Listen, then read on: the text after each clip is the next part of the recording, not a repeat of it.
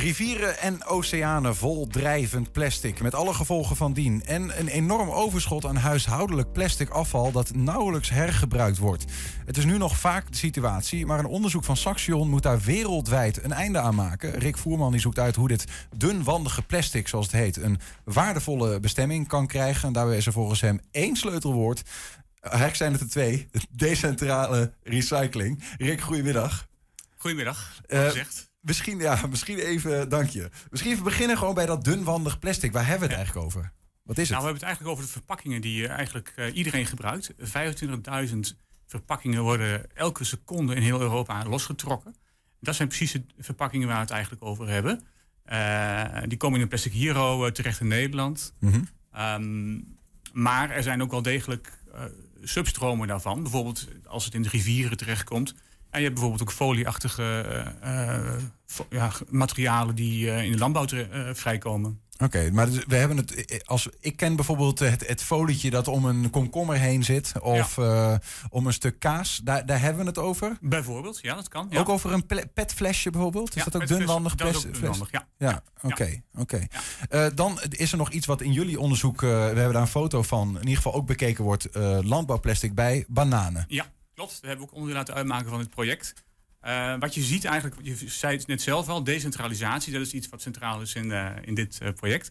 Ehm, en als je daarvoor kiest, dan, dan, dan, kun, je, eh, dan kun je juist bepaalde processtappen dus ja, overslaan of besparen op die processtappen. Mhm. Ehm, omdat bijvoorbeeld bananenplastics in dat geval allemaal bepaalde eigenschappen hebben, bepaalde kwaliteiten hebben. En het nog eh, gesorteerd zijn. Ze zijn niet eh, ver- vermengd met andere materialen. Ja. Dus je kunt daar juist eh, stappen in overslaan en dus goedkoper recyclen. Dat is heel belangrijk. Je gaat, je gaat heel snel, Ja. want, want je bent al met, met oplossingen bezig. Maar misschien eerst even toch meer naar het probleem nog kijken. Want we hebben die plastics die we net de- even een naam geven.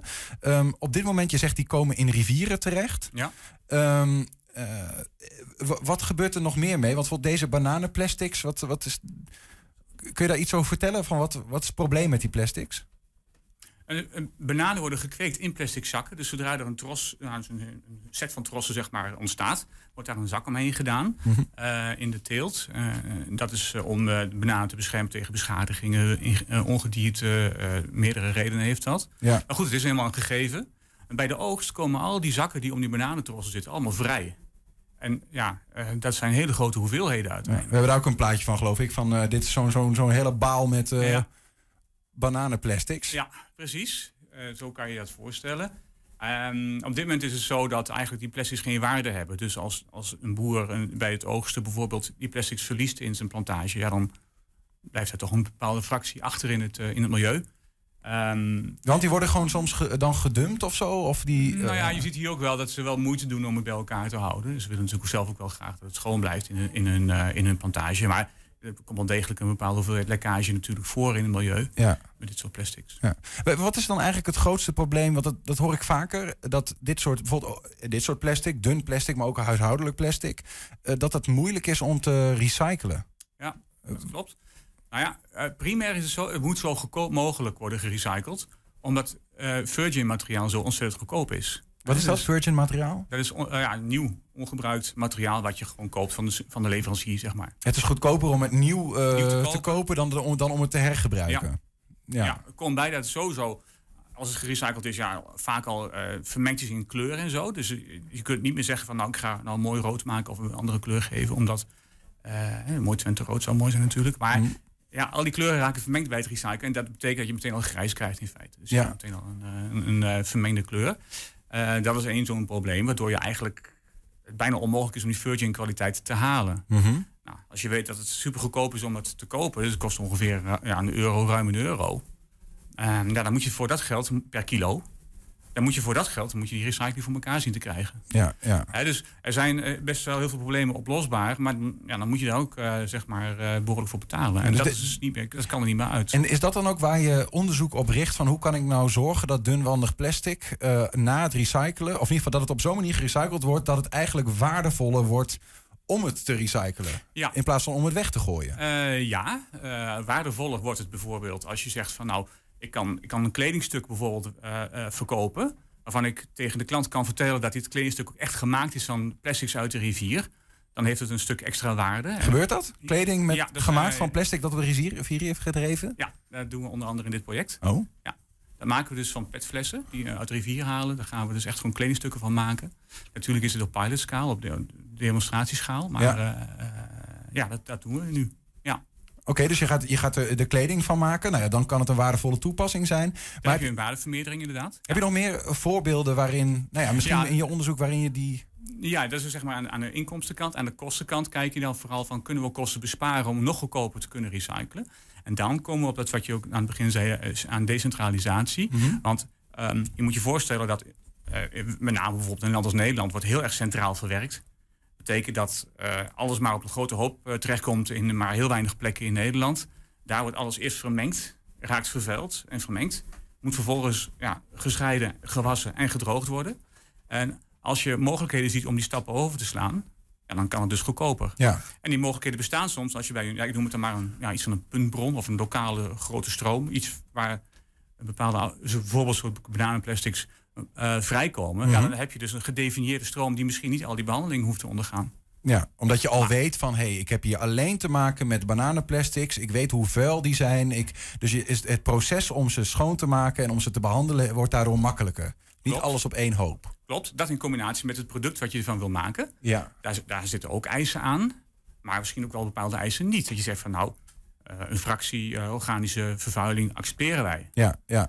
Even als we bij die bananen. We, we hebben een aantal voorbeelden. Als we bij die bananenplastics blijven, daarvan zeggen jullie, die kun je bijvoorbeeld door eh, in Peru, waar bananen worden verbouwd, kun je, ze, kun je daar iets anders van maken. We hebben hier een plaatje. Wat zien we hier? Maar Dit gebeurt dus al, hè? Dit is dus gewoon een bestaande eh, situatie in Peru en in de Dominicaanse Republiek. eh, waarin dus die zakken worden omgezet in eh, cornerboards, de hoekstukken voor, eh, voor, de, voor de pallets. Ehm, en die hoeveelheden kloppen ook. Hè? Dus de hoeveelheid plastic die vrijkomt, wordt ter plekke omgezet in cornerboards, die, waarmee de bananen op de pallet gaan en eh, verscheept worden naar Europa. Dat is gewoon een bestaande. eh, maar ze komen wel in de praktijk dus dingen tegen. Ja, Nou is het bijvoorbeeld zo in Peru en de Dominicaanse Republiek dat daar geen pesticiden worden gebruikt. Dat, dat heet organic bananas. Mhm.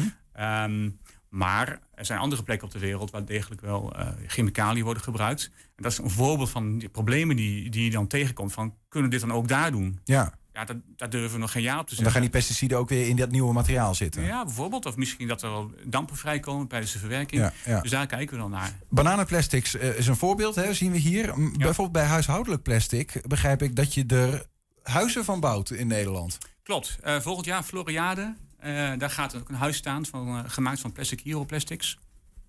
De- dus dan komt mijn folietje, wat, eh, wat om die komkommer heeft gezeten, die wordt uiteindelijk wordt er een gevel van gemaakt of zo. Ja, ja, ja, ja, Ja. Hele, hele muren, ja. En eh, ehm, hoe, nou ja, hoe, hoe kan het dan dat het zeg maar, is dat iets nieuws wat we nu ontdekken? Want het, uiteindelijk was het, in het begin was noemden we al dat het is lastig om dat te hergebruiken. Ja. En nu klinkt het voor mij als van, nou ja, best wel een logische oplossing. Ja, dat is toch wel nieuw. Er zijn toch maar eh, beperkte ondernemers. Hè, dus natuurlijk ook wel een ondernemer die hiervoor zijn, zijn hoofd uitsteekt. En zegt van verdikken, maar dat moet gewoon gebeuren. Het kan gewoon. Ik ga het gewoon eventjes laten zien. En dan, dan blijkt ook gewoon dat het kan. Dus eh, ja, het kan wel. Maar eh, toch eh, zijn er heel veel mensen met eh, ja, koudwatervrees. Of er gebeurt nog heel weinig. Ja, precies. Ja. In Almere staat dus een fabriekje wat dit soort plastics ombouwt tot huizen. Om Ja. het zo te zeggen, huismaterialen. Ja, dat klopt. En De gemeente Almere heeft al jaren als doel om lokale kringlopen te sluiten.